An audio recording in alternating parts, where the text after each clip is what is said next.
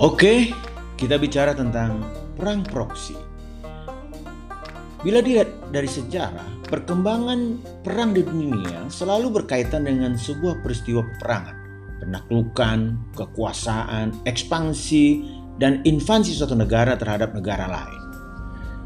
Nah, negara-negara yang punya kekuatan akan memungkinkan untuk menaklukkan wilayah negara lain untuk kepentingan politik, ekonomi, dan sosial.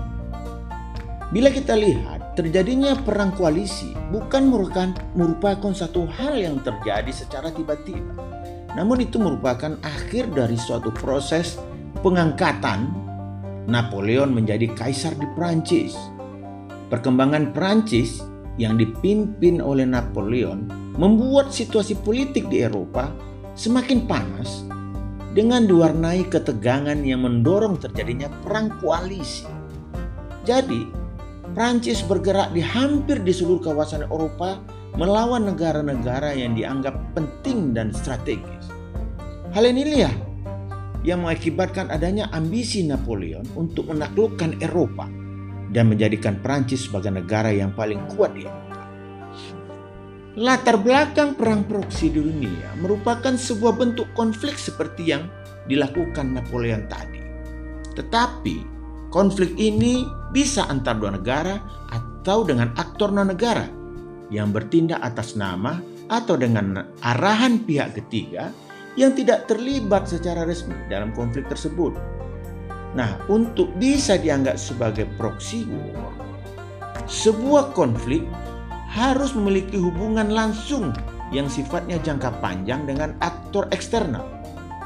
Hubungan ini bisa berbentuk pendanaan, pelatihan militer, penyediaan senjata, serta bentuk dukungan yang dibutuhkan dalam upaya membantu sebuah perang.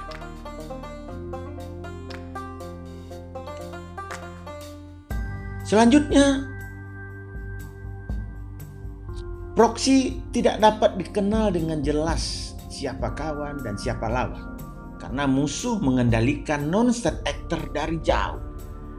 Negara musuh akan membiayai semua kebutuhan yang diperlukan oleh non-state actor dengan imbalan serta mau melakukan segala sesuatu yang diinginkan dengan penyandang dana untuk memecah belah kekuatan musuh.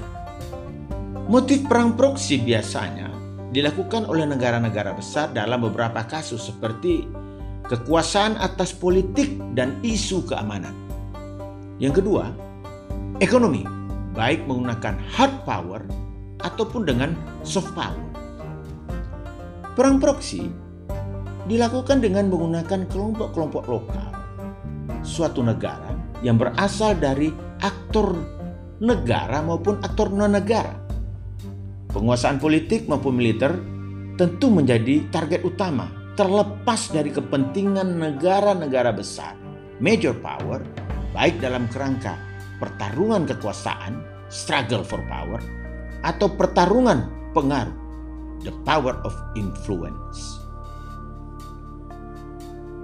Menjadi sangat menarik kalau kita bicara tentang proxy.